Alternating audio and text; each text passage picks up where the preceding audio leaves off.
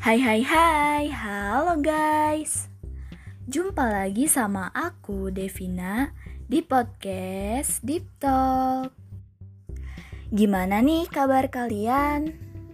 Semoga sehat-sehat selalu ya Oke, di episode kali ini aku bakal ngasih tahu apa aja sih jenis-jenis lembaga penyiaran yang ada di Indonesia.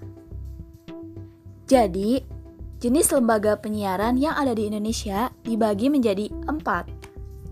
Kalian pasti penasaran kan apa aja jenis-jenis lembaga penyiaran tersebut? Yuk mari kita langsung bahas satu persatu. Yang pertama ada lembaga penyiaran publik. Lembaga penyiaran ini berbentuk badan hukum yang didirikan oleh negara, namun bersifat independen, netral, tidak komersil, dan berfungsi untuk memberikan layanan kepada masyarakat. Di kota ataupun kabupaten bisa didirikan lembaga penyiaran publik yang berarti tingkatnya lokal.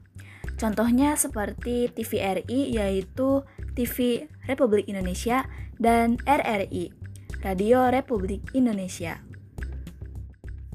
Yang kedua ada lembaga penyiaran swasta. Lembaga penyiaran swasta ini adalah lembaga penyiaran yang bersifat komersil, berbentuk Badan Hukum Indonesia yang bidang usahanya hanya menyelenggarakan penyiaran radio dan televisi. Warga negara asing di sini dilarang untuk mengurus lembaga penyiaran swasta, terkecuali untuk bidang keuangan dan bidang teknik. Contoh lembaga penyiaran swasta antara lain Antv, TV One, SCTV, dan lain-lain. Yang ketiga ada lembaga penyiaran komunitas. Lembaga penyiaran komunitas yaitu lembaga yang berbentuk Badan Hukum Indonesia yang didirikan oleh komunitas tertentu, bersifat independen, tidak komersil, dengan daya pancar yang rendah, luas jangkauan yang terbatas, dan melayani komunitasnya. Lembaga penyiaran komunitas ini tidak boleh mencari laba, tidak boleh menjadi bagian dari perusahaan yang mencari keuntungan semata karena gagasannya adalah untuk mendidik dan memajukan masyarakat mencapai kesejahteraan dengan melaksanakan program acara yang meliputi budaya, pendidikan, informasi yang isinya menggambarkan identitas bangsa. Jadi LPK ini intinya tidak mencari keuntungan dan fokusnya di pemberdayaan masyarakat. Nah, bagaimana masih bisa tetap eksis? Semua ini diperoleh dari kontribusi komunitas tertentu dan menjadi milik komunitas tertentu.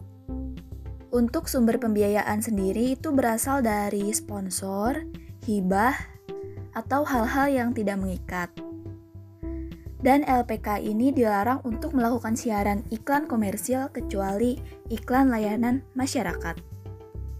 Contoh lembaga penyiaran komunitas antara lain Radio Diorama FM Demangan Yogyakarta, Radio 5 Cemara FM Yogyakarta, kemudian Raja Wali TV Bandung, dan TV-TV komunitas lainnya.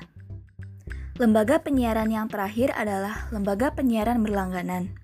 Lembaga ini berbentuk Badan Hukum Indonesia yang bidang usahanya hanya menyelenggarakan jasa penyiaran berlangganan dan wajib terlebih dahulu mendapatkan izin penyiaran berlangganan. Lembaga penyiaran berlangganan ini dibagi lagi menjadi tiga secara teknologi. Yang pertama, berlangganan melalui satelit, misalnya seperti Indovision dan Transvision. Yang kedua, melalui kabel, misalnya UCTV. Dan yang ketiga, lembaga penyiaran berlangganan terestrial. Mungkin cukup sekian sharing dari aku. Semoga teman-teman dapat pengetahuan baru setelah mendengarkan podcast ini. Happy weekend dan sampai jumpa di episode selanjutnya. Bye bye.